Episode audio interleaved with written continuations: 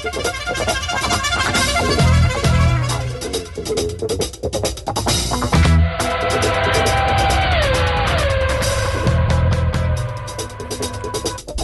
is met Jos. Ja, een hele goede middag. Is weer maandag, 4 uur. Dat betekent dat het weer tijd is om na te trappen met Sjors. Mijn naam is Sjors Lemmens en leuk dat je weer luistert. En samen bij mij in de studio natuurlijk zoals altijd Philip. Goedemiddag Philip. Goedemiddag, Jos. Ja, en we- luisteraars. ja, dat, dat hopen we wel hè. dat we Ja. veel luisteraars hebben. Dat is Ja. natuurlijk moeilijk te meten. Maar we gaan er eh, absoluut vanuit dat eh, op maandag eh, mensen aan de buis of aan de radio gekluisterd zitten om te horen hoe het zit met de sport. En vandaag gaan we een keer met z'n tweeën in de studio in ieder geval de aflevering maken. En dat betekent eh, niet dat er geen gasten voorhanden zijn. Maar eigenlijk zijn er te veel gasten voorhanden vandaag. Maar liefst zes stuks. En dat is natuurlijk onmogelijk om die bij elkaar in de studio te krijgen. Maar de uitzending van vandaag staat in het teken een klein beetje natuurlijk met eh, corona-toestanden. En ja, we zullen er nog genoeg over horen wat er vanavond allemaal besproken gaat worden door de premier. Eh, het nieuws eh, net zat er al uiteraard al eh, vol mee. Eh, en we gaan dus bellen met eh Maastrichtse sportclubs. Er zijn eh, de zes grootste Maastrichtse sportclubs eigenlijk. Daarmee gaan we bellen met de voorzitters daarvan. Om eens te kijken hoe hun seizoen tot dusver is. En wat zij verwachten de komende periode. Wat het een invloed gaat hebben op eh, de amateursport. In ieder geval in hun eh, vakgebied. Dat gaan we zo dadelijk doen. Daar hebben we een kleine voorbereiding eh, voor met wat cijfers. En dat eh, gaan we doen na het eerste nummertje. Dat is redelijk eh, toepasselijk, denk ik. Want ondanks alles wat er gebeurt, zal de show gewoon doorgaan. En de show must go on. En dat is Queen het helemaal met ons eens.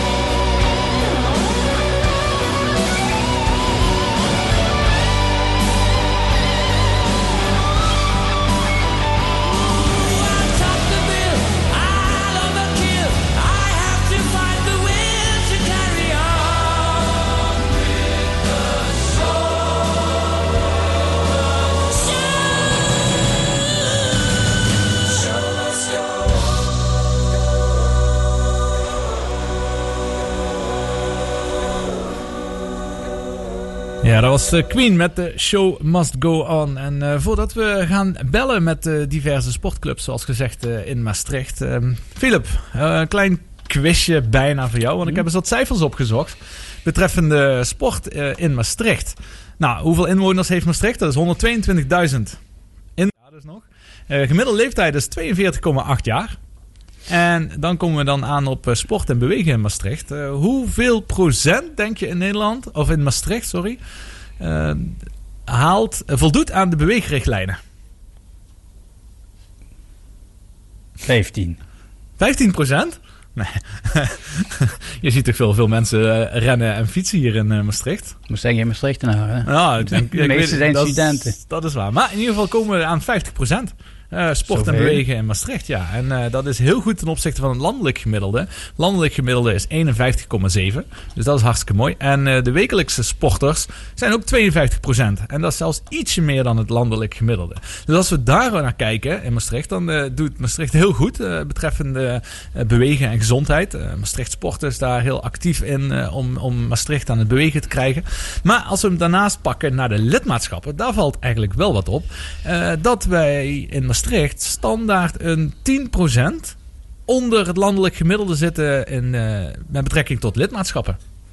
Dat vond ik een bijzondere, vind ik een bijzondere statistiek. Mm, ik weet niet zeker, want als je wel eens vaker in de Randstad komt bijvoorbeeld... en je ziet daar die sportclubs, dat is uh, onvoorstelbaar hoeveel mensen daar uh, lid zijn. Mm Je hebben zowel vrij weinig bewegingsruimte ten opzichte van hier in het zuiden om zelf iets te doen. Maar uh, alle sportclubs daar, of nu, nu hockey, tennis of die hebben een enorm aantal leden. Absoluut, maar dus. dit zijn wel relatieve cijfers. Uh, er wonen natuurlijk wat minder mensen in het zuiden. En uh, ook in Maastricht vergeleken met een Amsterdam of uh, Utrecht of wat dan ook. dus daar zijn natuurlijk ook aan aantal mensen wel meer. Maar toch zijn er wat minder mensen lid van een vereniging. Ja, ik, ik vond het zelf wel verrassend. Ik kan niet zo heel makkelijk duiden waarom dat zou zijn. En dat je hier ook zelf ja. kunt fietsen, wandelen, zwemmen, roeien enzovoort, enzovoort. Ik denk dat dat het beste tegenargument is. Uh, je kunt hier op uh, zelfstandige basis veel doen. Bovendien zijn er natuurlijk ook steeds meer clubs waar je welkom bent, ook zijn, als zijnde niet lid. lid. Uh, denk maar aan zwemmen, uh, tennissen kun je baantjes huren, golfbanen, et cetera. Er zijn veel mogelijkheden om ook sport te bedrijven zonder dat je lid bent. En misschien de lidmaatschappen is ook wat minder van deze tijd aan het worden. Hè? Want je ziet veel meer dat er geleased wordt en dat soort zaken. En dat mensen zich mhm. niet meer zo snel uh, ergens aan vastleggen. nou, als we dan nog als laatste even de sporten onderverdelen in Maastricht. dan is voetbal natuurlijk uiteraard degene die verder bovenuit steekt. maar liefst 5% van de Maastrichtse bevolking is lid van een voetbalclub. de tweede sport is tennis met 1,9%. Ja, het zijn natuurlijk heel kleine percentages, maar ja, op een volledige bevolking uh, denk ik dat dat wel redelijk normale percentages zijn. En vervolgens uh, komt het hockey en gevolgd door atletiek. nou, laten we toevallig al deze sporten ook gaan bellen. Dat gaan we zo dadelijk doen. Gaan we starten met de zwemclub. en, en Philip, ja, jij wist precies te noemen hoe die zwemclub heet. Dat wist je van buiten. MZ en PC. Maastrichtse ja. Zwem- en Polo Club. Nee, Tenminste, uh, 50 jaar geleden was dat zo.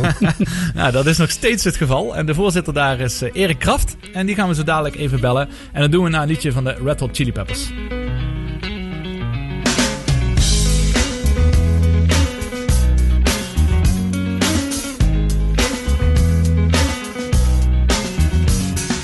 Come to decide that the things that I tried were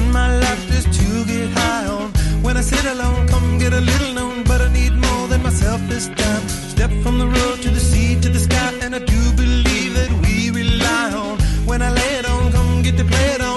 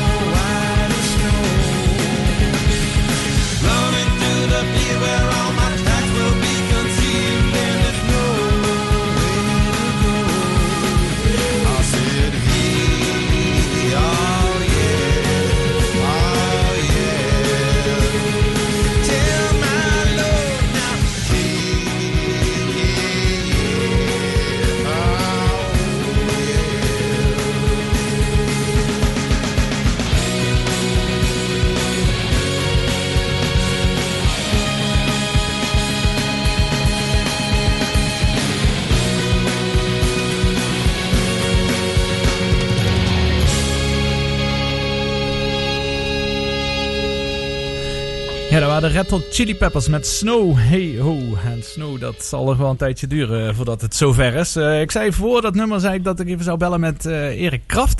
Dat hebben we even verplaatst. Want ik denk dat Erik druk bezig is. Aangezien voor hem persoonlijk de lockdown nogal wat gevolgen hebben. Dat we even schakelen als eerste met de tennisclub van Kimbria. En daarvoor heb ik aan de telefoon de voorzitter Peter van de Kracht. Peter, goedemiddag. Goedemiddag. Hoi, leuk dat je even Hoi. mogen bellen. Um, allereerst, hoe is het met jou en hoe is het met uh, Kimbria op dit moment?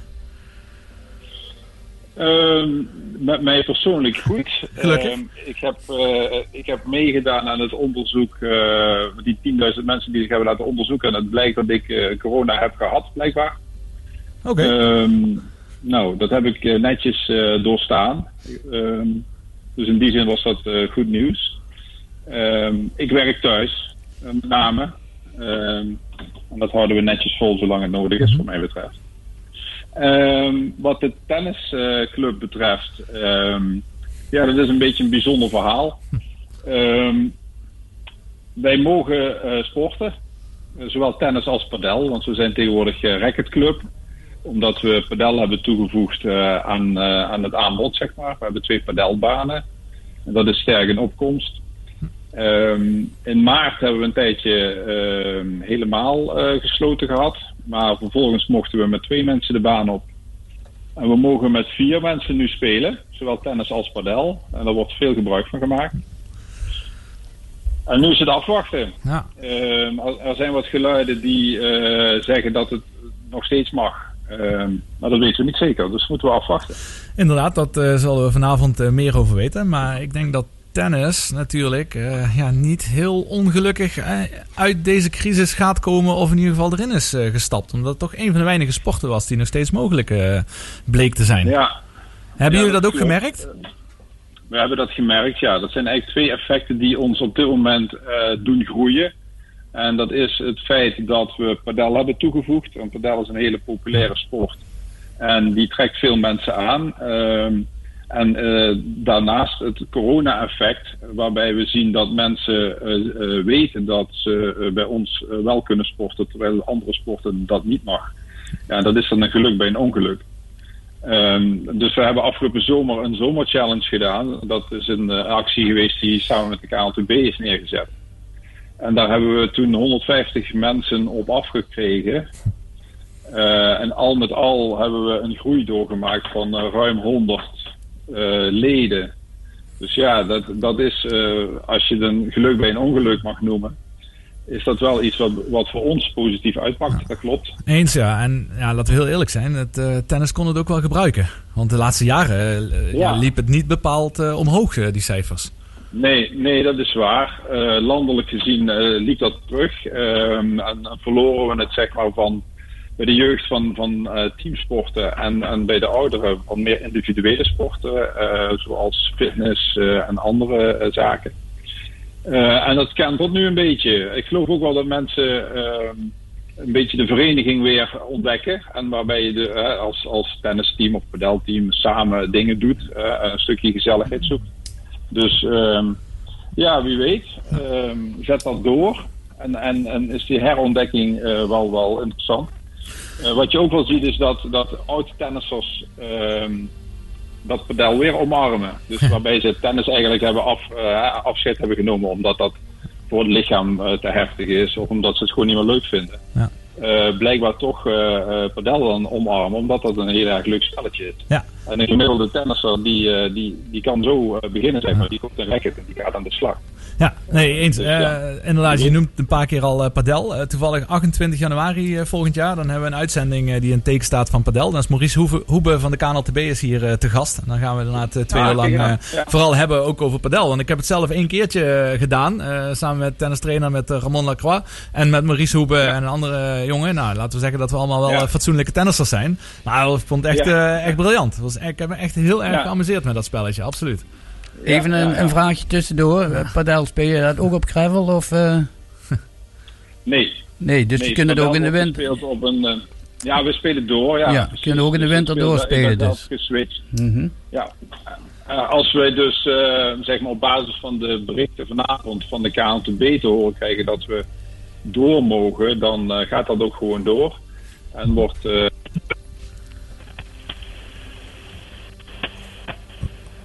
Oh, we verliezen een beetje de verbinding met eh, Peter.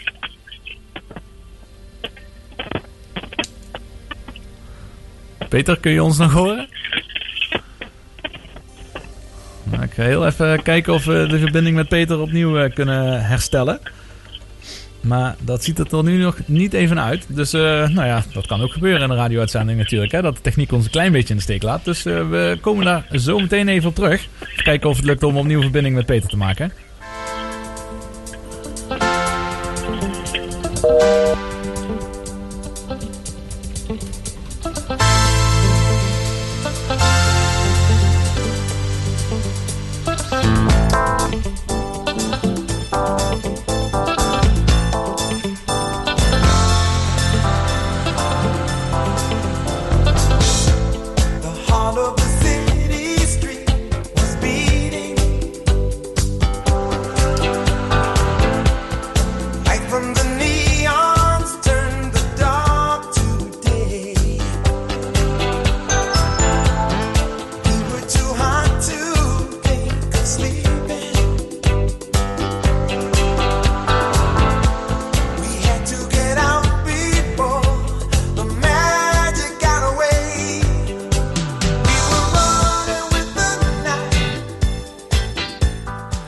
Ja, goed nieuws is dat de verbinding inmiddels weer eh, hersteld is met Peter. Ehm, sorry Peter, we hadden het nog eh, net inderdaad over padel en over de ondergrond. Dat dat gewoon doorgaat, hopelijk. Nee, gaat eh, ons helaas niet lukken zo te horen. Want de verbinding van Peter die valt weg. Wellicht dat we dat later nog proberen. In ieder geval gaan we dan maar weer verder met de muziek.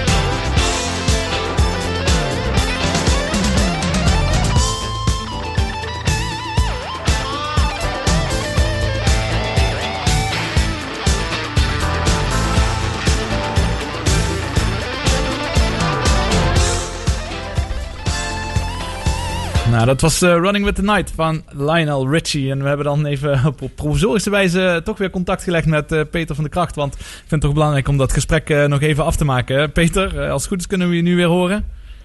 Ja, ik ben er weer. Goed zo. Ehm, je had het nog net even over het padel eh, tot slot. Eh, dat dat gewoon hopelijk deze winter wel eh, door kan gaan. Ongeacht eh, de banen. Want dat is gewoon eh, continu kan dat doorgaan, toch? Ja, dat klopt. Dat is winterhard, zoals ze dat zeggen. En ehm, we hebben de twee banen nu eh, behoorlijk vol zitten. Zeker eh, als je het over de piekuren hebt, dan eh, wordt dat maar zeggen, gereserveerd. Alles gaat op reservering. Daar hebben we nu appjes voor. En ehm, je ziet ook dat tennissers nu in de winter nog een beetje meer naar padel toeschuiven om in beweging te blijven. Ehm, dus we gaan de, de winter door en afhankelijk van de berichten van vanavond ehm, kunnen we wel of niet verder. De KNTB pikt dat voor ons op en die vertalen dat naar wat wel en niet mag. Dus dan krijgen we meestal een dag later van de KNTB exacte richtlijnen over ehm, wat we kunnen en wat we mogen.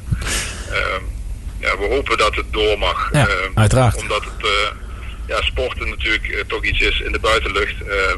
wat iedereen eh, graag doet en goed voor de mensen is. Maar mocht het niet zo zijn, dan kunnen we of met twee mensen de baan op, wat bij padel een beetje vreemd is, Ja. want dat bestaat formeel niet. Klopt. Of eh, we stoppen er even helemaal mee. Dus dat zullen we moeten afwachten. Het mislopen van eh, wedstrijden dit jaar, heeft dat nog veel invloed gehad? Kijk, veel eh, pff, clubs, zal ik zeggen, zoals voetbalclubs en dergelijke, ja, die, die moeten eigenlijk leven van wedstrijden en competitie. Heeft dat voor jullie nog Ja. veel invloed gehad? Dat jullie, ja, je hebt wel een najaarscompetitie gehad, maar ik geloof, ik weet niet of dat een groot succes is geweest. Nou ja, we hebben het voorjaar helemaal gemist inderdaad. En de najaarscompetitie is eigenlijk, de teams van het voorjaar hebben in het najaar gespeeld. Dat is op een gegeven moment ook gestopt, omdat, het, eh, omdat de regels werden aangescherpt. Ehm, laat ik zo zeggen, het is een groot gemis in die zin, omdat een club daar natuurlijk wel van leeft. En, en wij als club ook bijvoorbeeld barinkomsten uit dat soort dagen halen. Uiteraard. Voorjaarscompetities in druk en, en de najaar ook. En eh, we hebben een groot toernooi wat we niet gespeeld hebben. Waarbij toch ook dat soort dingen heel belangrijk zijn. Dan moet ik wel eerlijk zeggen dat we vanuit de overheid wel een aantal steunpakketten hebben gehad.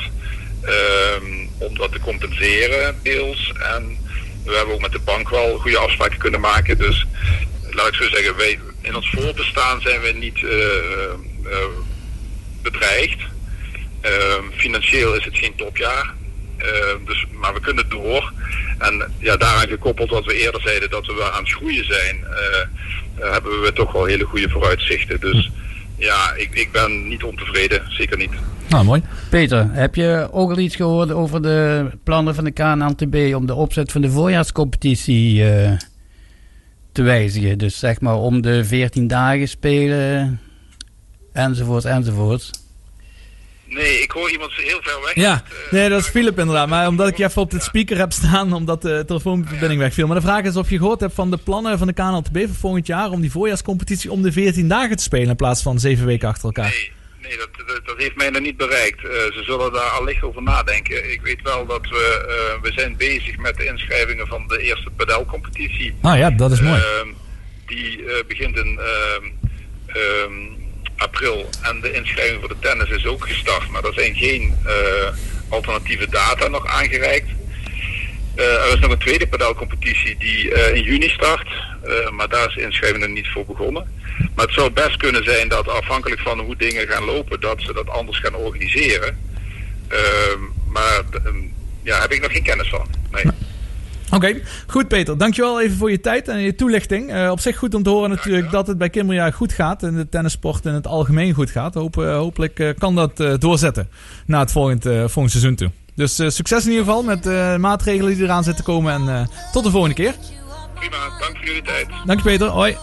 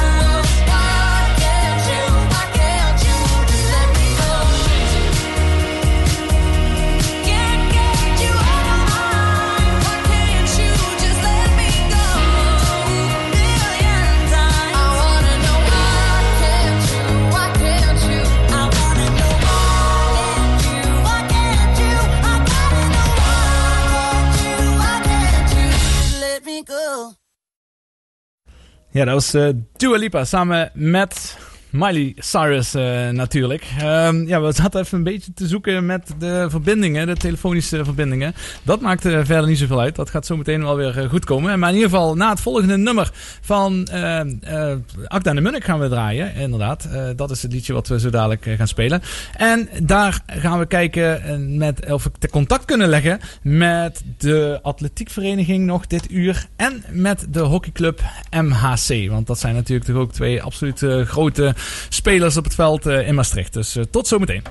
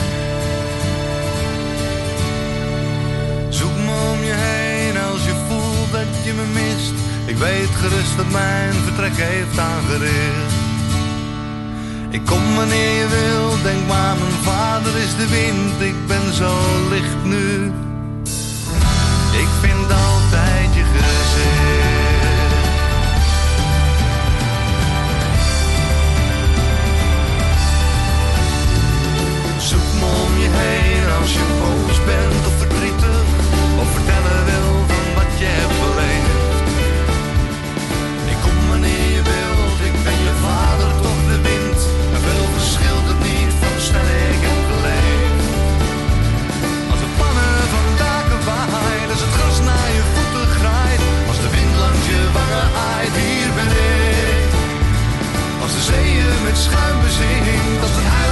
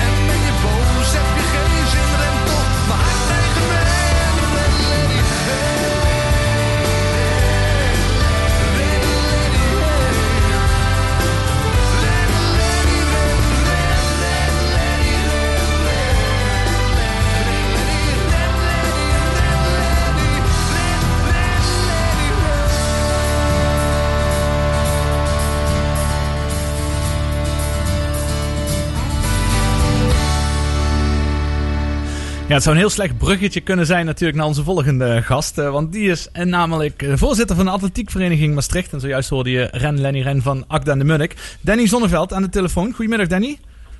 Ja, goedemiddag. Goeie- Ik had bijna Ren Denny, Ren. Ja. Dat was eh, misschien nog beter geweest, ja. Dat is een goede tip voor de volgende keer is dat. eh.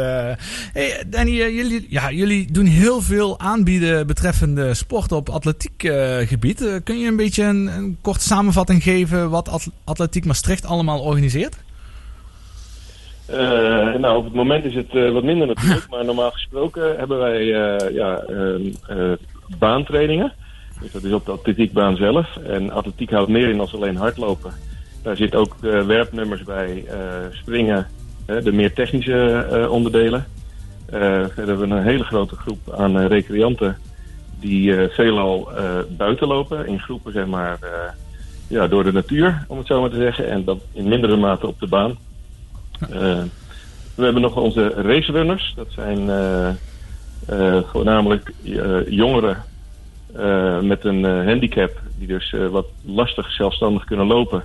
Maar met een eh, aangepaste, ja, het is een soort van driewieler, eh, toch eh, ook een eh, gevoel van hardlopen kunnen, kunnen eh, hebben op de baan.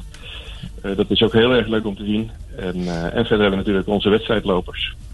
Ja, dat is een heel wat inderdaad. En je zei het zelf al een beetje. En dat was eh, mijn volgende vraag natuurlijk. Hoe heeft dat er dit jaar tot dusver uitgezien? Ja, eh, een beetje wisselend. Hè? Dus eh, in maart zijn we in de eerste lockdown gekomen. Toen eh, lag het op een gegeven moment helemaal stil. Toen is op de, na een, een poosje mocht de jeugd weer gaan opstarten. Dus dat was wel heel prettig. Dat hebben we toen ook met allerlei extra maatregelen zeg maar, wel weer kunnen realiseren.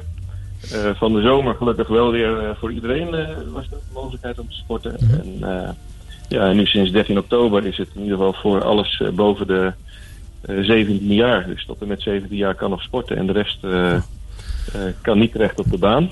Ja. Dus dat is, eh, dat is heel erg lastig. Daar maken we ons ook wel eh, zorgen over. Eh, niet zozeer over de conditie van de mensen, want die kunnen zich zichzelf nog wel een beetje bezighouden. Maar wel het, eh, de samenhorigheid en het verenigingsgevoel, dat raakt wel een beetje eh, in de verdrukking op deze manier. Ja, en eh, komen jullie daar ook enigszins mee in de problemen? Doordat, doordat er weinig gebeurt? Ik bedoel, financieel vlak? Want is natuurlijk veel clubs wat daar dan last van hebben op het moment dat er niks gebeurt op Ja. de locatie zelf. Ja, nou ja, we zijn in eerste instantie in de eerste periode wel geholpen dat de huur van de baan, zeg maar, die werd toen voor die periode kwijtgescholden. Eh, nou is dat niet onze grootste kostenpost, dus daar, eh, daar waren we wel blij mee, maar dat hielp ons niet eh, heel erg. Nee, het grootste gemis aan opbrengst is eigenlijk het, eh, het sportcafé. Eh, en de omzet die daar volledig is weggevallen. Eh, dus daar hebben we inderdaad wel last van. En we hebben ook besloten eh, om eh, al onze leden de contributie over het vierde kwartaal terug te betalen. Omdat we al zo lang eigenlijk eh, niks kunnen aanbieden. Dat is wel heel mooi. Dat is een heel mooie geste. Maar dat maakt het natuurlijk financieel ook niet beter erop eh, meteen voor jullie. Maar het is natuurlijk wel heel... Ja, nee, ik snap het. Maar het is natuurlijk wel heel mooi naar, de, naar de leden toe. Hoe, eh, ja, hoe, hoe ja, perspectief is moeilijk. Zeker met hetgene wat er vanavond aan zit te komen. Maar als je een beetje naar de toekomst kijkt. Waar zijn jullie mee bezig? Hoe denken jullie daaraan? Ja, wij waren eigenlijk nu bezig om eh, heel voorzichtig weer eh, training op de baan. Eh, ook voor de eh, volwassenen eh, aan te gaan bieden met hele kleine groepjes. Hè, want je mag met Ja. een groepje van vier mag je nog sporten. Maar ja, dan moet je zoveel maatregelen gaan treffen om ook te zorgen dat het echt groepjes van vier blijven. En dat die niet gaan samenklonteren en, en dat soort dingen. Ja. Dus daar waren we wel mee bezig. Maar ja, dat lijkt nu alweer een gelopen race, denk ik. Met, met wat we vanavond te horen krijgen. Dus ik denk dat wij tot eind januari sowieso nog niet op de baan terecht kunnen. Ik hoop dat de jeugd eh, nog door mag trainen, maar daar Maar als, eigenlijk ook mijn hart voor vast. Maar als ik dan- dicht, dan... Ja, sorry dat ik je onderbrak. Maar Ja. eh, als ik dan eh, bijvoorbeeld vergelijk, net hadden we het over tennis. Hebben we even gehad met de voorzitter van eh, Kimbria. Jullie eh, burenvereniging Ja, is dat. ja. Eh, Daar gaat het gewoon wel door, omdat buiten is en dat er redelijk afstand wordt gehouden. Eh, logischerwijs, op de golfbaan gaat het ook eigenlijk door. Eh, waarom is dat bij jullie dan niet? Want jullie zijn toch eigenlijk ook buiten bezig en op afstand? Ja, ja, dat eh, moet je denk ik aan, eh, aan het eh, OMT Dat vragen. is meestal, ja. Want ja, nee, wat er dus gebeurt is, de jeugd die traint gewoon door. Dat, dat gaat eigenlijk gewoon op de ouderwetse manier. Die moeten wel afstand houden van trainers, maar voor de rest kan dat gewoon doorgaan. En wij hebben wel veel lopers die we nog steeds stimuleren om met kleine groepjes buiten te gaan lopen. En dat gebeurt ook veel. Eh, er wordt ook heel veel WhatsApp-contact onderhouden om in ieder geval nog een klein beetje trainingsgevoel erin te houden. Ja. Dus iedereen stuurt dan ook zijn eigen loopje weer in, wat hij heeft gedaan en dat soort dingen. Oké. Maar op de baan is het gewoon heel erg eh, ingewikkeld. Dus eh, ook voor volgend jaar, stel dat het allemaal weer aan, de, aan de gang is, dan maak je je natuurlijk ook een beetje zorgen over het wedstrijdniveau. Kan ik me voorstellen. Als nie- niemand komt echt goed uit de Ja. winter Ja. voorbereid. Nou, we hebben wel onze, onze zeg maar, talenten, dus de wedstrijdlopers. Daar hebben we wel een uitzondering voor gemaakt. Dus die trainen nog wel door op de baan. Eh, en die houden zich dus ook wel aan die, eh, aan die groepsgroottes. Eh, maar dat is ook wel goed te doen. Dat zijn er, laat ik zeggen, eh, 16 lopers in totaal. Die dan op twee dagen in groepjes met, met z'n achter, zeg maar, in twee groepjes van vier aan het trainen zijn. Maar als je 300 eh, recreanten op de baan moet laten lopen, dat gaat gewoon niet werken. Ik kan me heel goed voorstellen. Ehm, ja, het is lastig om natuurlijk hier positief op eh, af te sluiten. Hè? Want het, eh, ja, het ziet er gewoon eh, moeilijk uit op dit moment voor jullie. Ja, nou ja, we zijn toch wel bezig met, met ook wel met de toekomst. Ja. En ook waar we met het sportpark in zijn totaliteit naartoe willen. Dus Ja. daar hebben we ook overleg over met, met Peter. Ik weet niet of hij dat al genoemd heeft Nee. net. Ging, eh, Eh, Peter was wel eh, heel enthousiast over het padelgedeelte zojuist. Ja, nee, dat kan ik me heel goed voorstellen. Want dat, eh, dat is ook erg populair. Ja, En, absoluut. eh, dat zorgt ook dat ze weer eh, groeien in hun, eh, in hun leden. Klopt. Ja. Want hoeveel leden hebben jullie eigenlijk? Ik had daar geen idee van. Eh, wij hebben zeg maar, in zijn totaliteit nu zo'n 860 leden. Nou, dat is toch serieus, ja. Eh, ja, en daar zitten ongeveer 80 eh, zijn dat studenten van de universiteit. Dat zijn de UROS-leden, zoals dat heet. Ja. En ik denk die 200 is ongeveer eh, jeugd en de rest is uh, recreanten. En wandelaars. En, en hoe groot is jullie trainersstaf, zeg maar? Hoeveel... eh, Eh, ja, Ongeveer. Nou, ik denk dat je gauw aan een man of eh 40 eh, Zo. komt. Dat is serieus, ja. Ja. Nou, en allemaal op vrijwillige basis, neem ik aan. Dat is eh, bijna allemaal op vrijwilligersbasis. Mhm. Eh, inderdaad, eh, op basis van de vrijwilligersvergoeding eh, wel een vergoeding. Maar dat is inderdaad, eh, ja, laten we zeggen, een beetje symbolisch. ja, precies. Nou, mooi. Dankjewel Danny voor je toelichting over hoe het eraan toe gaat eh, bij Atletiek Maastricht en eh, ook het afgelopen seizoen. En ja, we wensen je allemaal heel veel succes naar, de, naar het volgende seizoen toe. Laten we hopen dat jullie weer snel met z'n allen lekker over de baan kunnen bewegen. En dank je voor je Ja, tijd. dat hopen wij ook. Ja, dankjewel en succes met je uitzending. Dank je. Hoi hoi.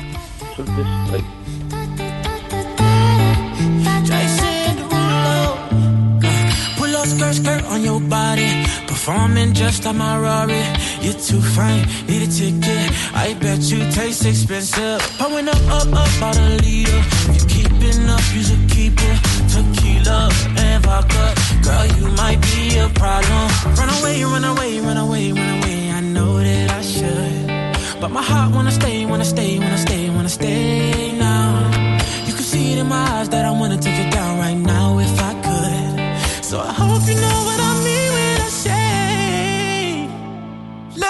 Let me take you dancing.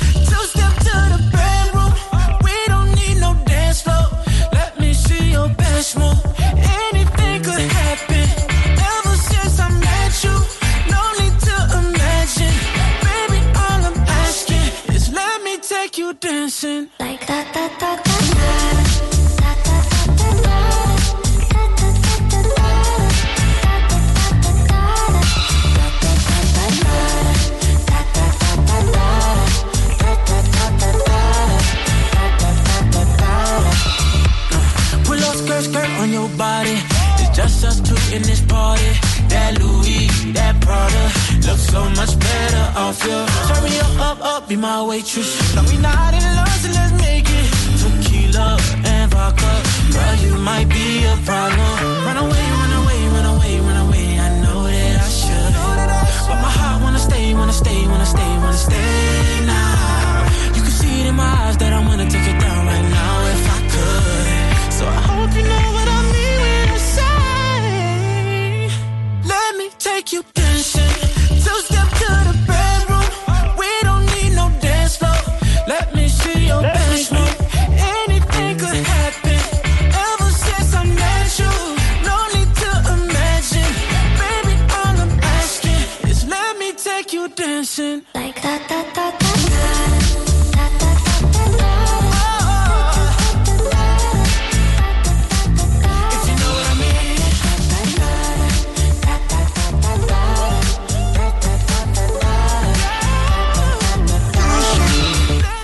Ja, dat is Jason Derulo met Take You Dancing. is niet helemaal eh, afgespeeld. Hij kondigt zichzelf altijd in ieder nummer uh, kondigt hij zichzelf wel aan. Uh, ik kondig hem bij deze af. Uh, maar ik kap hem deze keer even af, omdat we nog even willen bellen voor het nieuws met Fleur Kapitein. Zij is voorzitter van MHC, de Maastrichtse hockeyclub. Fleur, welkom.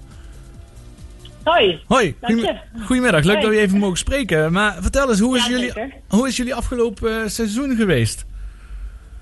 Ja, bijzonder hè? Dat, eh, daar zijn wij niet de enige in natuurlijk. Dat geldt voor ons allemaal. Ja. Ehm, maar ja, wat, eh, wat je probeert is eh, het beste ervan te maken. Dat klopt. Dus, en hoe ziet dat bij jullie dan uit? Ja, nou ja, in die zin, we boffen natuurlijk dat we niet een hele kleine club zijn. Hè, als je het vergelijkt met de, de, de, ja, de gemeentes om ons heen. Hè, dus we hebben best wel genoeg leden om onderling wat dingen op, op touw te zetten. Dus dat hebben we gedaan, met name voor de jeugd. Eh, hebben we clinics eh, georganiseerd, bootcamps, eh, onderlinge wedstrijdjes. Voor komende vrijdag staat er een Glow in the Dark hockeytoernooi op het programma. Altijd goed. Dus ja, ja, op, dat manier, op die manier probeer je in ieder geval ja, iedereen in ieder geval ja, toch een beetje hockey te bieden zoals je dat zou willen. Ja. Eh, hebben jullie dan een heel klein beetje het geluk dat hockey, in ieder geval in mijn beeld, vooral door de jeugd wordt bedreven? Ehm, eh, ja en nee. In die zin inderdaad, wij zijn voor een groot deel afhankelijk inderdaad van, van, van jeugd. Hè. Dus zeker, jeugd is een heel belangrijk component van ons ledenbestand. Maar vergeet niet, uh, George, we hebben ook heel veel studenten. Ja. eh, hè, zijn verbonden aan MAC of MSHC, hè, dus de, de studentenhockeyvereniging. Dat is ook, zit ook bij ons binnen. Ja, en ja, die, daar, is het toch wel, daar is het toch wel heel lastig voor geweest de afgelopen maanden.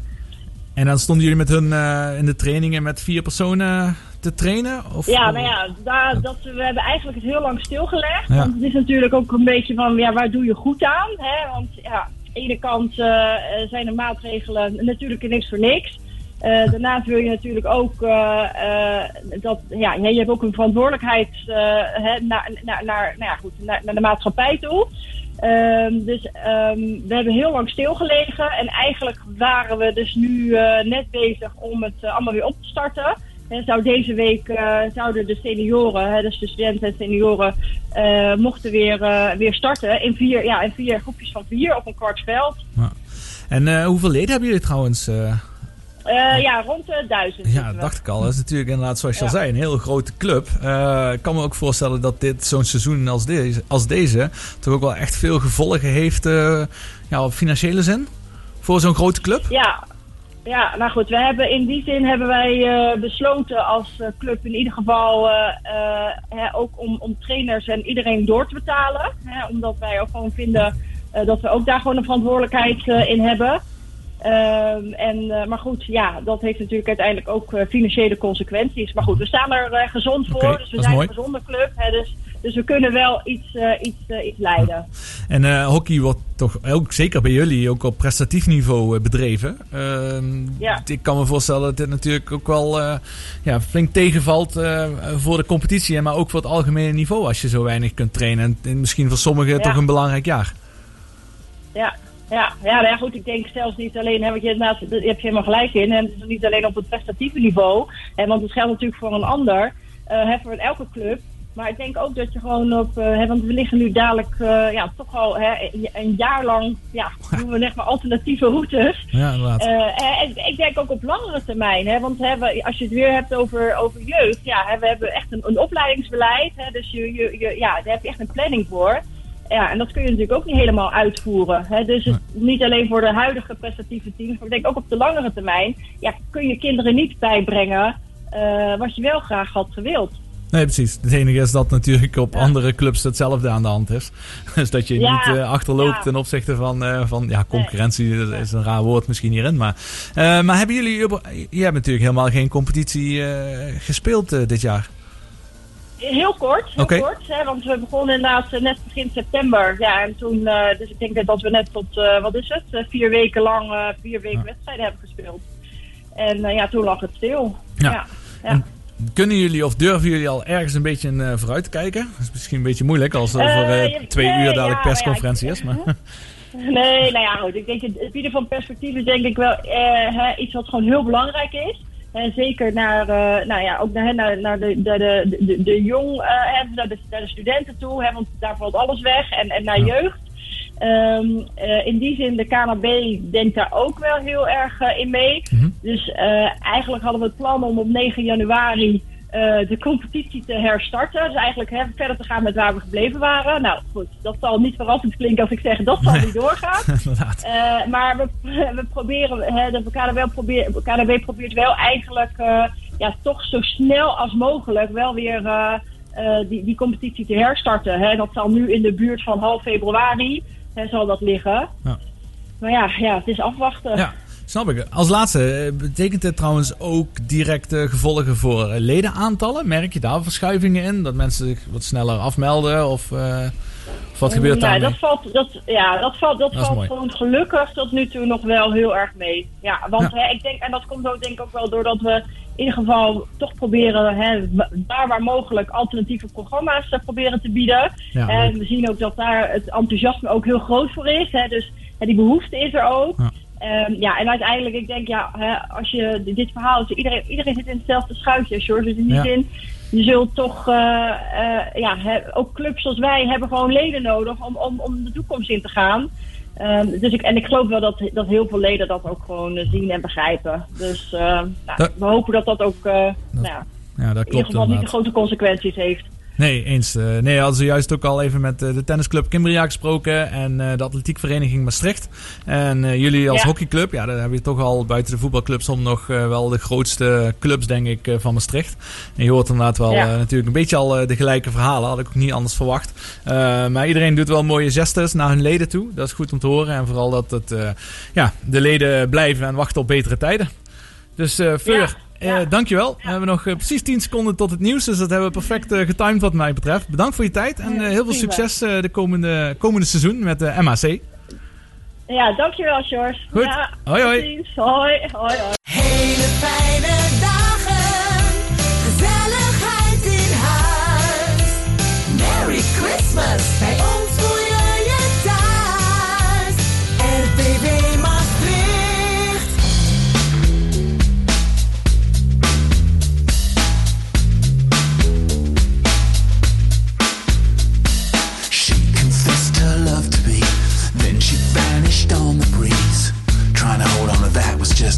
impossible. She was more than beautiful, closer to ethereal, with a kind of down to earth flavor. Close my eyes.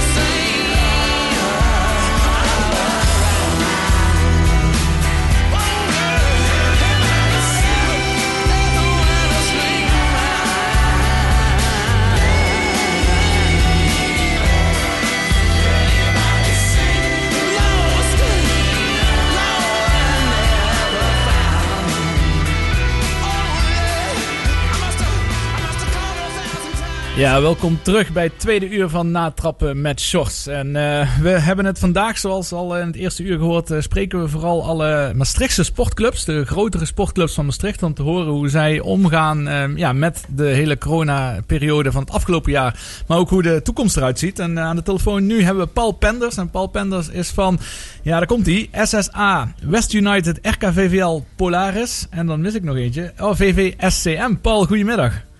Goedemiddag. Nou, laten we, laten we daar even mee starten, want wanneer zijn jullie gefuseerd? Nou, de, de, de fusie is nog niet officieel rond. Oké. Ehm, want dat ging op zo'n korte termijn ging dat niet lukken. Eh, we hebben daar een tussenstap in gemaakt. En dat betekent dus dat er een SSA is opgericht. Eh, en dat betekent gewoon eh, samenwerking seniorenafdeling. Aha. Maar het- uiteindelijk, als die dadelijk wel is afgerond, want ik neem aan dat dat gewoon wel gaat gebeuren, toch? Ja, het is natuurlijk wel de bedoeling Ja. dat deze samenwerking gaat resulteren in een fusie. Dat Ja. klopt, En, absoluut. en dan betekent dat meteen dat jullie ook eh, qua ledenaantallen en dergelijke de grootste amateurclub van Maastricht eh, gaan worden? Eh, dat is, eh, ik, ik ken de cijfers van de andere clubs niet precies. Snap ik. Ja, maar het is ook niet eh, een, een, een doelstelling om de grootste te willen zijn. Eh, ik denk dat het belangrijker is om een ge- gezonde vereniging te zijn. En eh, de- Ja. dat is ook de reden voor die samenwerking. Nee, ben ik mee eens, maar het is in ieder geval wel een grote fusie. Ja, dat kunnen we wel zeker, stellen. Zeker. Ja, ja, zeker. Want ja. eh Philip, Philip bij mij in de studio hier, je hebt eh, jarenlang voor RKVVL gespeeld, toch? RKVVL, ja. Maar Ja. dat is al een hele tijdje geleden. Toen was dat nog een hele grote club, ja. Dat is waar. Ja, goed. Het zal, eh, niet, eh, ja, het zal toch nodig zijn eh, op een gegeven moment om te fuseren in Maastricht. En om inderdaad, zoals Paul al zegt, om een gezonde club te zijn. Dat is natuurlijk heel belangrijk. Ja, en over die gezondheid van die club het afgelopen jaar. Hebben jullie het, krijgen jullie het een beetje bij elkaar eh, gehouden? In zo'n bizarre jaar? Ja, dat is wel een heel bizar jaar, dat is wat je zegt. Ehm, maar het gaat met hangen, hangen en wurgen. Hè? Want, en dat zal er iedere vereniging, laat ik zo zeggen, de voetbalvereniging zijn. Dus dat de inkomsten, ja, die, die drogen op. Eh, want voetbalclubs die zijn ook heel erg afhankelijk van de kantineinkomsten. Maar goed, die zijn het letterlijk en figuurlijk opgedroogd. Eh, voor de binnensport is dat iets anders, want die mensen hebben nooit een eh, exploitatie gehad van een eh, kantine. Eh, maar dat is natuurlijk wel voor, eh, voor een heleboel verenigingen is dat natuurlijk een, een grote zorg. Ja. Snap ik. Kun jij een percentage eraan geven trouwens? Hoeveel procent dat jullie inkomsten krijgen uit lidmaatschappen en hoeveel dat uiteindelijk een kantineomzet is? Nou, eh, grosso modo denk ik dat eh, de, ja, de, de kantine omzetten, dat is de grootste bron van in- inkomsten. Ja, maar dan moet je denken, het is dan 60, 70 procent van, de van, de vereniging. Ja. Ja, ja, op het mo- En- moment dat zoiets wegvalt. Ja, ja, ja. En, en natuurlijk, er valt ook steeds weer wat, wat kosten weg. Maar dat is natuurlijk altijd minder dan de omzet. Want met de omzet maak je ook de winst. eh, om andere vaste kosten te kunnen dragen. Mhm.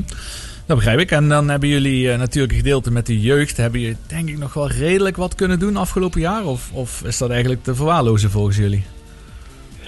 Ehm, we hebben wel wat kunnen doen met de jeugd. Maar ook de jeugd ligt natuurlijk ook lang stil. Hè, de, Ja. de competities. Eh, de, de, de, de jeugd wordt aangeboden om te kunnen trainen. Daar wordt ook door de, de jeugd van eh, VVL Polaris ook wel zeer gebruik van gemaakt. Maar dan zie je ook weer eh, nadeel. De kantines zijn niet open. Dus het is alleen maar echt Mhm. gericht op de fysieke sportbeleving. Ja, klopt. En dat, ja, dat valt er toch een belangrijk ste- deel valt dan weg, hè? Ja, Ja. ja. ja, Dus, Maar hebben jullie daar nooit een, een financiële tegemoetkoming voor gekregen van eh, de overheid? Jawel, er zijn wat uh, tegemoetkoming van de overheid zijn er, hè, waar ook het bedrijfsleven van, uh, van mag Mhm. gebruik maken. Wij doen dat uiteraard ook. Uh, en gedeeltelijk betreft dat de vaste lasten van de accommodatie. En in deze betekent dat ook een tegemoetkoming in de personele kosten. En Mhm. dan, daar maakt iedere vereniging ook gebruik van. En daar zijn we natuurlijk ook de overheid ook wel weer dankbaar voor dat dat, uh, dat, dat kan, deze regeling. Ja. En naar de toekomst toe. Uh, ja, het ziet er niet goed uit. Hè? Over twee uur is natuurlijk een belangrijke persconferentie. Ja. We weten al, jammer genoeg weten we allemaal al wat er staat te gebeuren. Ja. Uh, maar hoe, hoe, kunnen jullie of durven jullie naar de toekomst te kijken? Um, ja, je moet, kijk, het is zoals het is op dit moment. En het, heeft geen zin om eh, daar eh, bij de pakken neer te zitten. Wij proberen natuurlijk de, de leden via de, de digitale eh, informatiekanaal op de hoogte te houden van alle ontwikkelingen. Ehm, wij proeven ook al heus wel begrip bij iedereen eh, dat dit zo'n uitzonderlijk jaar is. En voor de, de SSA betekent dat dat ehm, goed, de, de, de beoogde fusie, ja, die moet gewoon, daar werken we de achtergrond aan. En we hopen dus dat een meidje kunnen afronden. Dus eh, op korte termijn is het kommer en kwel. Maar op de langere termijn proberen we wel een doorkijk te maken voor, een, eh, ja. voor de club eh, levensvatbaar te maken. Ja, nou ja, dat zou al, sowieso al een mooie stap zijn als dat zou lukken. Hè? Maar in ieder geval, betreffende ja, training en dergelijke, kunnen jullie heel moeilijk met alternatieven komen. Ja, Ja, en eh logisch. Dan hou je aan de richtlijnen wat je krijgt van, eh, van de overheid. eh, eh, positiespelletjes, circuittrainingen, dat soort zaken allemaal. Maar goed, Ja. het is allemaal voor een, eh, voor een voetballer is dat allemaal net niet natuurlijk. Maar na die fusie, ehm, dan ga je uit van hoeveel senioren elftallen je op de been kunt brengen. Enig Nou, idee? gaan- ja, kijk, de, de vraag is natuurlijk of er nu ook in de tussen, tussenperiode mensen gaan afhaken. Mhm. Maar we hopen in ieder geval volgend jaar eh, een fusieclub eh, te kunnen runnen met nou, tussen de 27 en 30 teams. Zo. En zowel jeugd als senioren. Ja. Dat is serieus, Eh, ja. Ja, mooi. Ja, ja, ja. maar goed, het is nu, maar nogmaals, het is nu even koffiedik kijken. Want eh, je weet nooit of mensen nu ook andere hobby's gaan zoeken. eh voetbal gebeuren, iets laten links liggen en andere dingen gaan doen. Individueel sporten bijvoorbeeld. Ja. Dat is op dit moment sowieso al aan het gebeuren. Hè? Dat hoor je. al. We spraken met Kimbria natuurlijk van tennis. Die hebben een heel goed jaar. Eh, zelf ben ik actief in de golfwereld. Nou, daar gaat het natuurlijk ook hartstikke eh, omhoog. Eh, maar je ziet het ook met hardlopen en, en wielrennen. Ja. Maar ik verwacht, ik verwacht zelf, maar goed, dat is mijn mening. eh, dat wanneer dadelijk alles weer mogelijk zou zijn. Dat iedereen wel weer langzaam maar zeker natuurlijk ook zijn eigen wegen zoekt. eh, naar hetgene wat ze al eh, daarvoor ook gedaan hebben. En hopelijk voor de andere sporten blijven ze ook die nieuwe sport doen. Maar ja, uiteindelijk zal het toch ook wel weer eh, terug naar het voetbal gaan. Want die gezelligheid van een team, ja, dat is niet veel wat dat kan eh, vervangen, denk ik, voor de, de gewinterde of gelouterde voetballer. Dat denk ik ook niet. de- we hopen dus dat de mensen honger naar de bal gaan krijgen. Ja. Ja, heel goed, Paul. Dankjewel voor je tijd. Eh en nog even je toelichting eh, betreffende de samenwerking, de SSA. Eh, veel succes de komende periode. En eh, op het moment dat er weer, eh, ja, weer gevoetbald kan worden, dan hoop ik eh, dat we je weer eens mogen bellen. Graag. Ja? En tot horens. dan. Heel goed. Jo. Tot horens. Dankjewel voor je tijd. Hoi, hoi.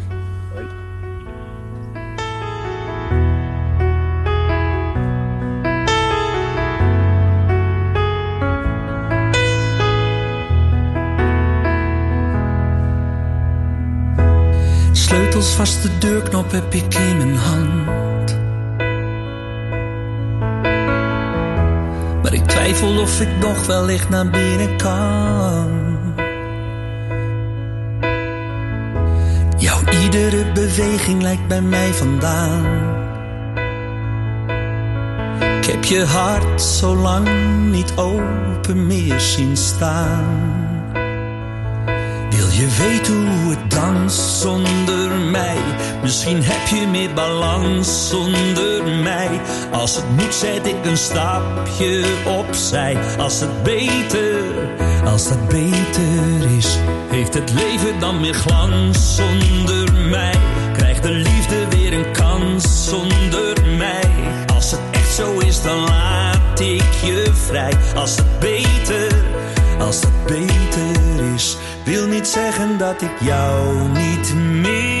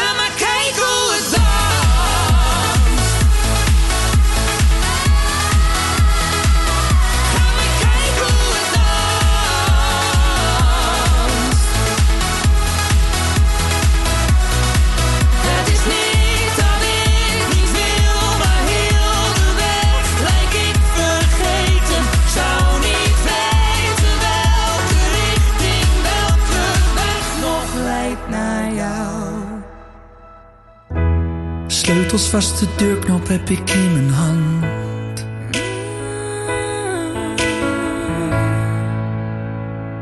Ik leer vast wel hoe het danst zonder jou.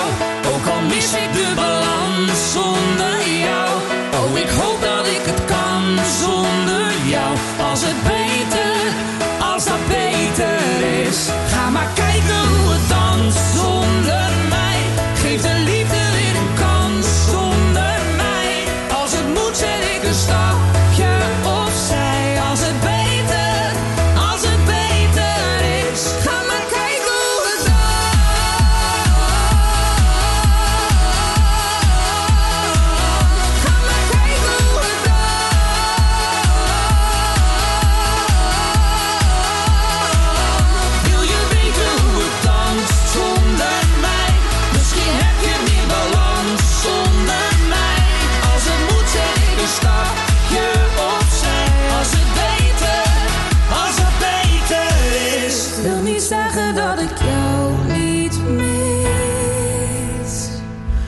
Marco Borsato met Hoe het danst. En eh, ja, Philip, tot dusver eh, ons belrondje. Eh, nou, we hebben nog één club te gaan, een studentenvereniging. Saurus, natuurlijk een grote studentenvereniging in het roeien. Benieuwd hoe het aan toe gaat. Maar tot dusver, wat is, je, wat is je mening, wat je zo links en rechts hoort?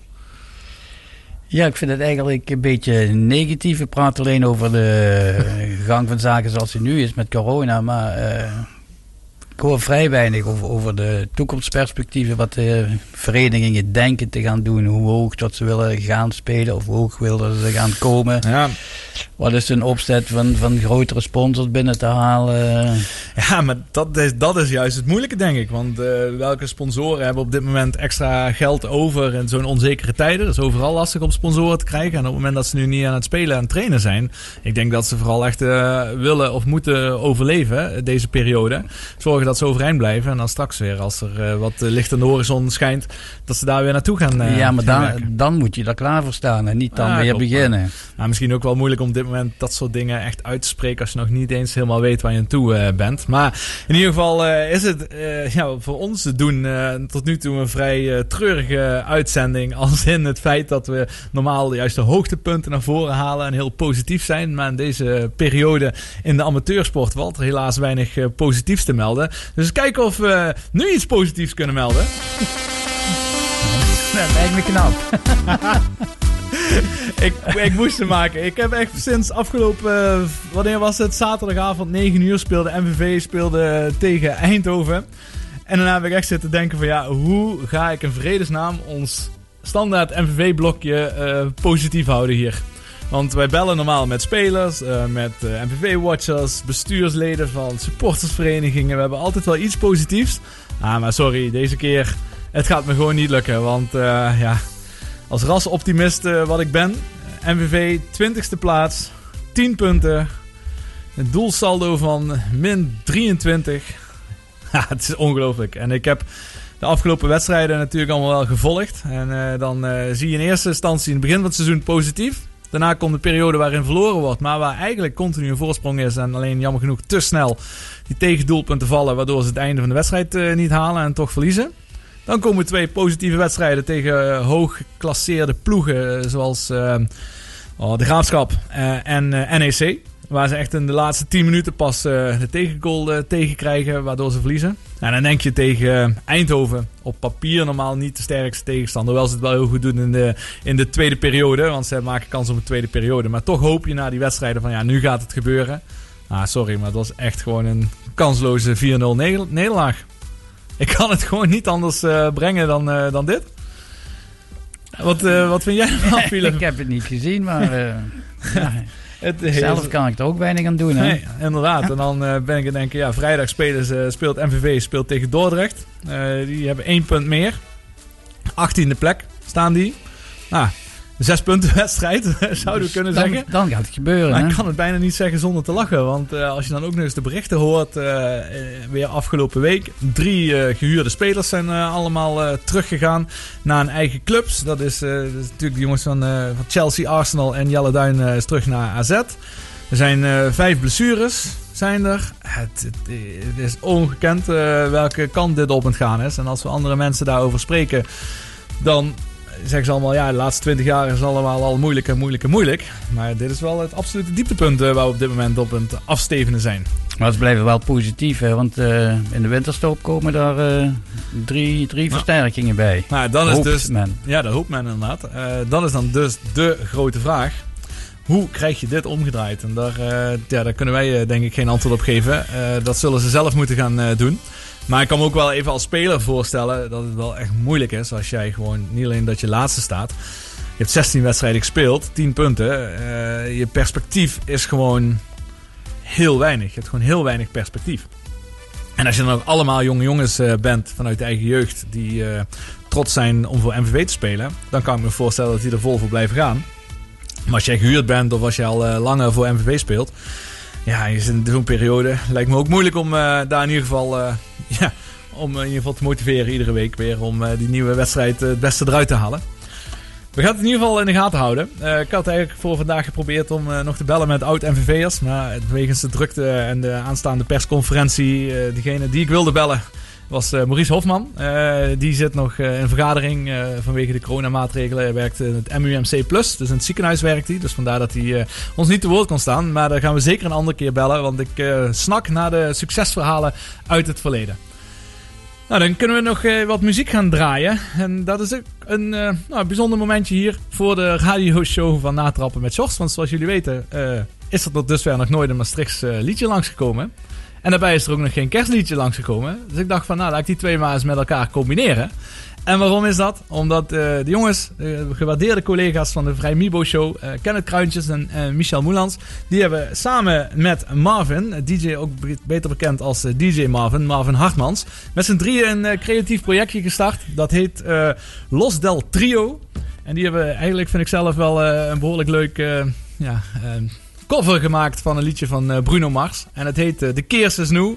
En dat is eh, waarschijnlijk de enige keer dat we Maastrichtse muziek gaan draaien en natrappen met Sjors. Merry Christmas. En dan, hè, alchemist gedaan. Heb je er gewoon van opstaan? Dat je al de ganse kaart volgeladen. Die gaan dadelijk om net, eh, die gaan met de beer eten. Man. En dan met de ganse familie. Kerstmis is voor iedereen. Weer zien we weer de leukste feestdag van het jaar. Kom leven, we maken dus wel lekker klaar.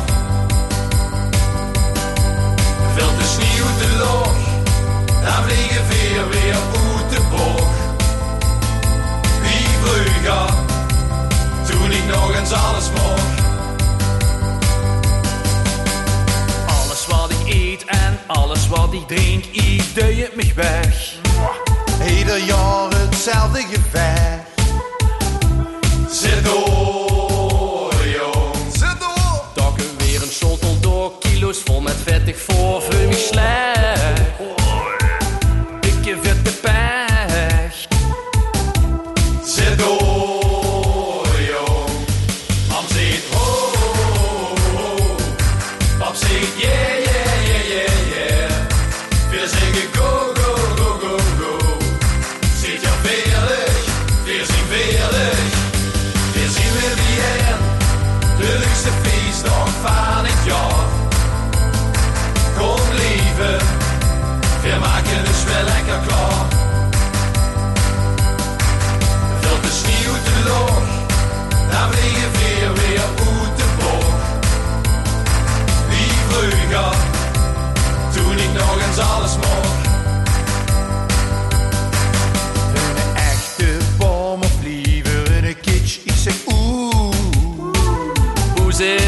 dan nu? Ja, boe. Neer. Wat dan ook. Ligt de jong in de krib, heet Marie dan flink gewit. Zie ze oeh. Het is nu eenmaal zo. Echt zo. Ze leuk,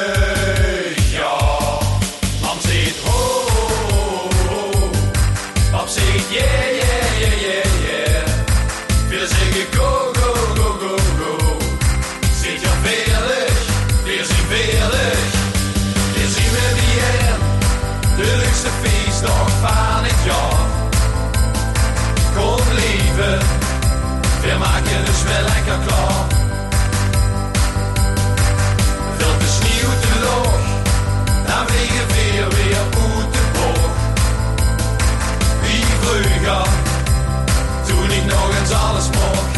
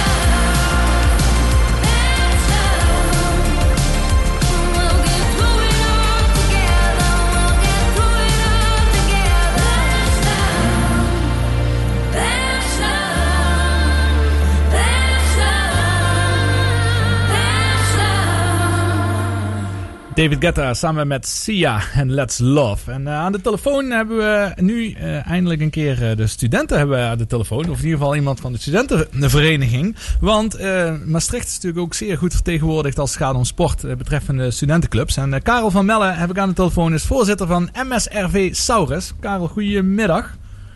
Goedemiddag. Goedemorgen, mooi. Goed, leuk dat ik je even mag eh, spreken. Eh, aller, allereerst laat ik even meteen met die deur in huis vallen. Want ik zag afgelopen week een eh, klein artikeltje, denk ik, op de NOS. waarbij het ging over een roeivereniging die wat problemen hadden. Omdat bij hun Holland 8 ongeveer, wat was het, 1,30 meter eh, tussen de stoeltjes Ja. zit. Ja, we hadden, ja, inderdaad. We hadden de koning op bezoek. nou, in ieder geval wij niet. Maar in Amsterdam was hij bij een roeivereniging langsgekomen. inderdaad. Ja, en, eh, maar ik vond het wel eh, bijzonder. Is, is er iets waar jullie dit jaar ook eh, mee te maken gehad hebben? Ja, inderdaad. Nou goed, voor roeien, ehm, even kijken. Die anderhalve meter, die kennen we volgens mij ondertussen allemaal. Dat is een soort van de basisafstand die we moeten houden. Bij roeien is het net vervelend, want wij zitten altijd standaard op 1,35 meter. Dus eh, niet 1 meter en ook niet 1,50 meter. Gewoon altijd op 1,35 meter. En ja, daardoor kan het gewoon niet, het sporten. Ehm, en dat is heel jammer, want hè, ploegen die staan altijd vast. Eh, het is in de buitenlucht, eh, met wind erdoor, eh, weet ik veel wat. Maar gewoon omdat hij net die eh, 15 centimeter tekort komt, kunnen we niet sporten in teamverband. Dat is bizar. Hè? Dat is, eh, nou ja, en dan inderdaad terug van, ja, hoe is voor jullie dus dit seizoen eh, tot dusver verlopen? Wat hebben jullie wel kunnen doen? En, en inderdaad is dit ook de reden waarom het een moeilijk seizoen is. Ja, ja nou, het, het roeiseizoen voor, studeren, eh voor studenten roeien in Nederland, dat eh, gaat eigenlijk van april tot juni, eind juni. Ehm, en nou goed, in april, dat was net na maart. En in maart werd, was alles op slot. Dus zelf was ik toen ook nog druk bezig met roeien. En eh, het werd alles afgezet, allemaal. Ehm, dus ook roeien in je eentje, dat kon niet. Nu, eh, over de zomer door, eh, werd het eh, richt, eh, iets meer opengezet. Dan kon je in je eentje in een boot, dat kan. Ehm, en eind van de zomer konden we zelfs weer met z'n vier in de boot. Nu ergens medio oktober werd dat weer aan banden gelegd. Eh, en zitten we weer in ons eentje in de boot. En dat is heel vervelend voor nou ja, alle eerstejaars. hè, Want we zijn een studentenroeivereniging, dus dat gaat met lichtingen. Eh, en alle eerstejaars die moeten dan leren roeien in een eentje in de boot. En in je eentje in de boot zitten, dat is een heel stuk minder stabiel voor, eh, dan met meerdere mensen in de boot zitten. Ja. Ehm, en nou goed, dus wat het voor uitwerking op het seizoen had. Het eerste seizoen, dus van april tot juni, ga- ging niet door. Eh, dat is volgens mij wel overal zo geweest, dus dat is niet zo heel gek. Ehm, nu in het najaar is er één wedstrijd geweest en dat mocht je dan alleen in je eentje doen. En voor volgend seizoen, dat begint, eh, nou ja, de eerste wedstrijd is ergens in februari, maar het seizoen echt, dat is in april. Ehm, ja, daarvoor zitten we toch echt wel weer te kijken. Eh, er zijn eh, van allerlei initiatieven met dat je wedstrijden iets regionaler aanpakt, zodat je niet hele grote ophopingen hebt van studentenverenigingen overal in het land. Ehm, en ook ja, hè, kijken naar ehm, eh, eh, minder bezetting op wedstrijden zelf. Dus dat je gewoon naar minder wedstrijden toe mag, maar dan hè, andere verenigingen eh, daar wel naartoe mogen enzovoorts. Dus het enige vervelende daarin is, er zijn gewoon nog geen beslissingen gekomen. Dus de roeiers die we nu hebben, ja, die zijn gewoon aan het trainen. Maar voor wedstrijden, dat weten ze nog niet. En dat is best wel, hè, voor motiveren is dat best wel een probleem. Eh. Ehm, want ja, hè, als je hard sport, elke dag, af en toe, dan is het toch wel leuk als je dan ergens naartoe kan werken. Snap ik. Absoluut. Dat is een van de belangrijke dingen voor een sporter. Om een doelen, doelen te hebben. Eh, hoeveel hoeveel eh, leden telt jullie vereniging ongeveer? Wij hebben richting 500 leden. Ehm, ja, dus eh, eh, goed, dat zijn eh, ook niet-sporters, mensen die eh, meer van het bier houden. Ehm, maar, eh, En die hebben ook eh, niet veel te doen dit jaar. Nee, die hebben ook niet heel veel te doen. Eh, het is een beetje uh, verliefd langs beide kanten. eh, nee. Maar ehm, we hebben, laten we zeggen, echt een heel hard roeiend deel. eh, heel hard trainend deel in ieder geval. Dat is eh, eh, 50, ongeveer 50 mensen zijn dat. En dan heb je nog eh, eh, eh, mensen die af en toe de boot instappen. Die begroot ik ook een beetje op eh 50 mensen. Dus wel 100 mensen die echt aan het sporten zijn. eh. En ehm, nou ja, goed, voor die, eh, voor die wedstrijdmensen hebben we wel nog wat kunnen eh, doen. Eh, op roeien kun je ook indoor doen. Dat is dan op een ergometer. Dat zijn van die fitnessroeimachines eh, die je af en toe ziet staan. En daar was afgelopen weekend was daar een online wedstrijd voor. Dus dat wordt nog wel Ah, georganiseerd. Dus op die manier heb je nog een beetje competitie, maar dat is geen, eh, geen echt roeien, helaas. Want ik, eh, ik wandel toevallig bij jullie wel eens eh, langs als ik met de hond ga lopen daar langs het, langs het water. En ik, zie, ik heb inderdaad Oh, wel ja. gezien dat jullie daar een mooie ja, indoorruimte, een mooie fitnessruimte daar hebben. Toen vroeg ik me inderdaad af of jullie dan daar veel trainen. Trainen jullie dus dan nu Ja. veel in de fitnessruimte daar? Ja, we, de winter is eigenlijk sowieso iets meer voor, dat, voor die fitnessruimte ja, bestemd. Dan, eh, dan word je namelijk sterk voor het seizoen. Nou, in het seizoen heb je het al druk genoeg met wedstrijden. Dus dan laat je je lichaam een beetje rusten eh, eh, daartussen. Ehm, maar eh, ja, dus eh, die fitnessruimte, we hebben nu eh, van 1 naar 2 zijn we gegaan. We zijn gewoon gaan fitnessen op de kroeg. Want ja, eh, daar, daar gebeurt ook niet zo heel Nee, veel precies. meer. Eh, en ehm, eh, nou ja, dat bevalt eigenlijk goed. Dus eh, we hebben die capaciteit hebben we zo een beetje ook verhoogd. Eh, voor alle mensen die dan eh, willen sporten. Ja, want ik was al een beetje aan het denken dat het best wel krom is dat jullie dan in een fitnessruimte zitten, indoor eh, met elkaar. En dat je niet buiten in de vrije lucht met twee man in een boot mag zitten, omdat je dan 15 centimeter te dicht op elkaar zit. Ja, ja dat is goed. Dat gevoel dat, dat, is, dat is goed beschreven. Ehm, die, is, die is redelijk verwarrend. Ehm, goed, eh, als studentenvereniging weten wij ook, de, de regels zijn er wel om nageleefd te worden, anders. Heb je niet zoveel aan. Maar eh, ehm, dit is wel iets waarvan, waarvan we inderdaad ook aankaarten van, goh, eh, ik kan het echt niet. Want bijvoorbeeld in Duitsland weten we, eh, daarvan is al eigenlijk in het begin gezegd van ja, het is dan geen anderhalve meter, maar 1,35 meter. Alleen andere, alle andere voorwaarden zijn zo goed dat je eigenlijk wel gewoon zou kunnen roeien. Dat is in Duitsland gezegd. Dat, eh, nou, die boot die hebben we net gemist. Maar ja, inderdaad. Dat, is, eh, dat is een beetje jammer dat we dat binnen wel mogen en buiten niet. eh, ja. Karel, even een vraagje. Hoe moet ik dat zien? Jullie stellen boten ter beschikking eh, aan de leden? Of moet Ja. een groep leden een eigen Ja. boot huren, leasen, Nee, weet ik? is, ja, roeien, roeien dat wordt een beetje... eh, niet heel veel mensen... Heel veel mensen die verwarren het een beetje met kano of kajakken. Ehm, roeien, dat kun je eigenlijk niet echt heel erg goed zelf betalen. Zeker niet als student. Die boten die zijn namelijk echt wel prijzig. Eh, ehm, eh, als ik zou kiezen tussen een auto en een boot... Dan eh, eh, kies ik een auto, maar de boot het is dezelfde prijsklasse.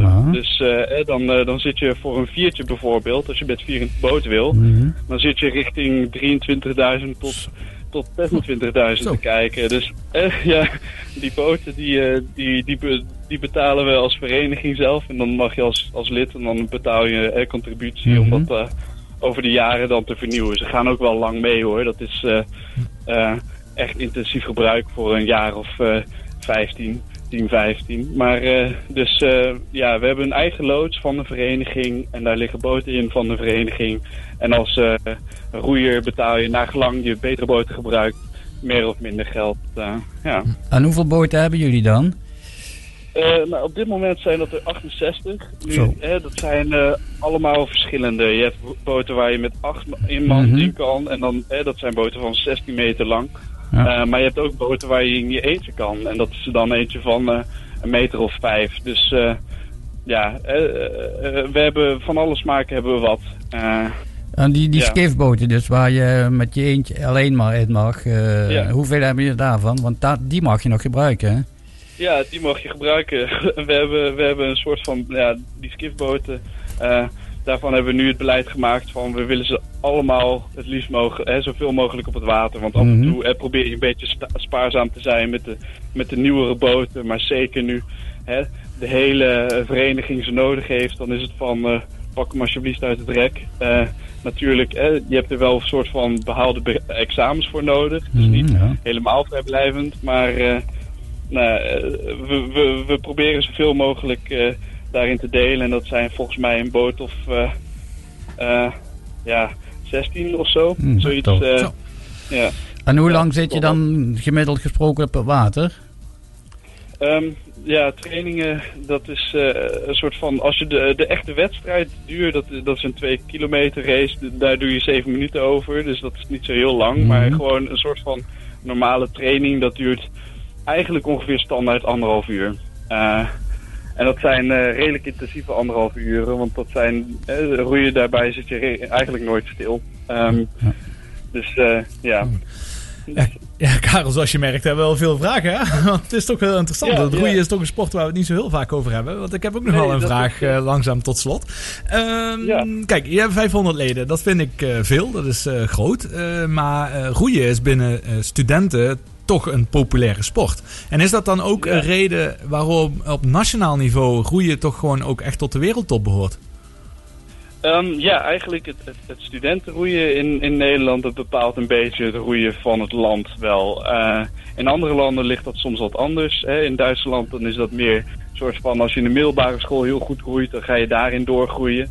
Ehm, maar hè, studentenroeien in Nederland, volgens mij zijn het er 16.000. En elke wedstrijd die je doet is eigenlijk ongeveer standaard al nationaal. Dus de competitie die je direct hebt als je begint, is heel erg hoog. En dat zo- zorgt er eigenlijk voor dat je in een soort van snel eh, fabriek of een snelkookpan eh, opgeleid wordt tot echte topsporter. Hè? Eh, goed, eh, in je eerste jaar moet je omgaan met leren trainen. Dat is nog wel iets hè, aparts. Maar vanaf jaar drie of vier dan is het echt kijken of dat je richting eh, nationale selectie kan eh, lopen. Dus dat gaat heel snel, maar dat is ook wel een enorm intensief traject eh, wel. Nou, leuk, Karel. Dankjewel. Eh heel leuk voor deze inzichten alvast te krijgen. Ik ben aan het denken misschien in de toekomst, als we weer met wat meer mensen hier in de studio mogen zitten. Het zou wel leuk zijn om een langere tijd eens over het roeien te spreken. Omdat het toch een sport is Ja, dat- waar we in ieder geval van onze uitzending nog niet zo heel vaak over gehad hebben. Nou, dat vind ik heel leuk, heel leuk om te horen. Ja, het is, eh, het is een, goed, hè, van mij ga je natuurlijk niks anders horen, maar ik vind het eh, zo'n interessante sport en ook heel leuk om iets over te vertellen. Ja, leuk. Dus, ja, daar kijk ik naar uit. Nou, goed. Goed zo. Karel, dankjewel voor je tijd. Eh, succes met eh, alles wat eraan zit te komen. En dat we hopen eh, dat jullie binnenkort ook weer veel eh, kunnen groeien. Of in ieder geval kunnen blijven trainen. En eh, volgend seizoen weer eh, allemaal wedstrijden kunnen spelen. Ja. ja, we gaan vanavond even afwachten, maar eh, verder erg bedankt en eh, fijne avond nog. Hetzelfde, dank je. Hoi hoi. Hoi. You get a shiver in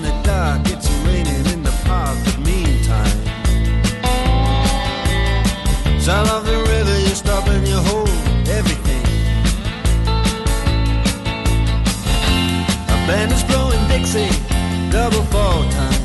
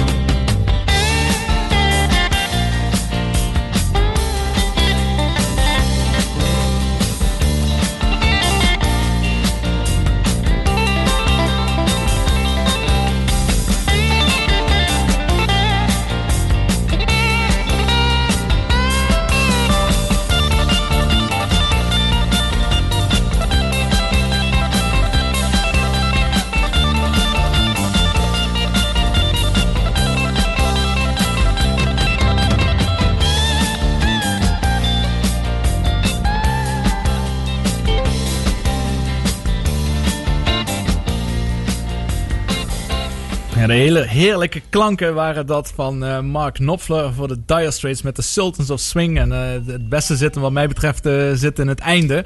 Waarbij dat die, die solo eruit gooit. Nou, we hebben Mark Knopfler een keer live gezien, Philip, samen in Amsterdam. Daar duurde die eh eindsolo van de Sultans of Swing duurde nog even drie keer zo lang, geloof ik.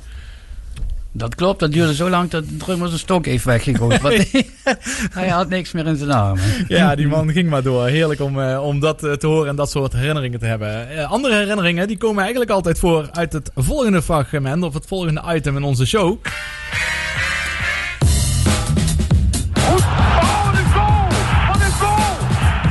Timmetje, Timmetje, wat ga je doen? En hij staat! Ik staat! Het is ongekend! Daar gaat hij Ippon en neemt hem over. Goud is er voor Mark Huizinga. Het sportmoment van de week. Ja, het sportmoment van de week. Beetje laat de uitzending. We hebben nog maar eh 7,5 minuut. Zo snel gaat het alweer. Eh, maar dat is niet erg. Dat halen we makkelijk. We zijn ook maar met z'n tweeën. Maar we hebben heel veel mensen gesproken en veel verenigingen gesproken. En dat vond ik wel mooi en ook belangrijk eh, in deze periode. Om eens te horen van de mensen langs de velden hoe het daar aan toe gaat. Maar in ieder geval de sportmomenten. Want die zijn er nog steeds. Omdat er nog steeds gespeeld wordt op de Nederlandse en de internationale velden. En we starten met het moment wat Filip heeft, ui- heeft uitgekozen. En daar hoort een fragmentje bij. Iataren, Iataren. Oeh, schitterend. Schitterend hoor. Kijk eens hoe blij hij is met zijn eerste competitietreffer voor PSV. Weer in de basis. En hier zie je toch zijn eh, extreme talent met deze tweede goal voor PSV. Dit is eh, een beloning voor dat traject waar hij in zit. Fit worden. Want met die eh, techniek zit het wel goed. Kijk hoe mooi de goal wordt gevierd. Ook door Schmid. Ja, ja, haal me de woorden. ik was er al bang voor. Ja, haal me de woorden uit de mond. Nee, ik, ik niet, maar de commentator Ja, ja, maar van die, NMS. die duurde wat langer. Maar ik vond het inderdaad eh, heel mooi om te zien de blijdschap die, die Iatare eh, etaleerde na dat schitterend doelpunt over- overigens. Ja. En daar meteen iedereen die hem daarbij geholpen heeft om, om over zijn eh, dode punt heen te komen, eh, uitvoerig voor bedankte. Wat heel mooi om te zien. Dat Ja. zie je maar zelden. Ja, die emotie dat hij ook nog naar de bank ging. Mhm. En, eh, en, en oprecht, kijk, normaal... Ja, echt oprecht. Ja, als iemand gewisseld wordt, dan komen die stomme vuistjes Ja, allemaal. en eh, hij moet ongeveer iedereen in het stadion tegenwoordig een handje geven als je eruit gaat van bedankt dat ik even heb mogen spelen. Maar dit was... Echt gemeend en, en. Ook door iedereen zo geaccepteerd. Ja, vind je hem ook echt een van de ontzettende grote talenten in Hij Nederland? is absoluut een heel groot talent, ja. En onder deze begeleiding wat hij nu heeft, zal hij ook alweer vrij snel terug op dat eh, niveau komen. Volgens mij pas 18 jaar. Ja. Als ik begrijp. Dus eh, daar hebben we hopelijk eh, nog veel plezier van de komende tijd. Oh, want hij speelt wel voor Nederland of heeft hij die keuze nog niet gemaakt? Ik weet even niet. Hij alleen maar, van heeft tot nu toe alleen maar een jeugdelftallen Oké. van Nederland we hopen dat hij in ieder geval voor Nederland kiest. eh, Mm, maar hij heeft jeugdelftallen voor Nederland gespeeld, Ja. dus ik ga ervan uit dat je dan ook... eh, Dat durf ik niet te zeggen. Dat Nee, zouden we moeten opzoeken. Mm. Mijn eh, sportfragmentje komt eh, eigenlijk uit de, uit de wintersport. Want die is nu langzaam maar zeker ook al aan, de, aan de gang. Of daar begint het al steeds meer op te lijken.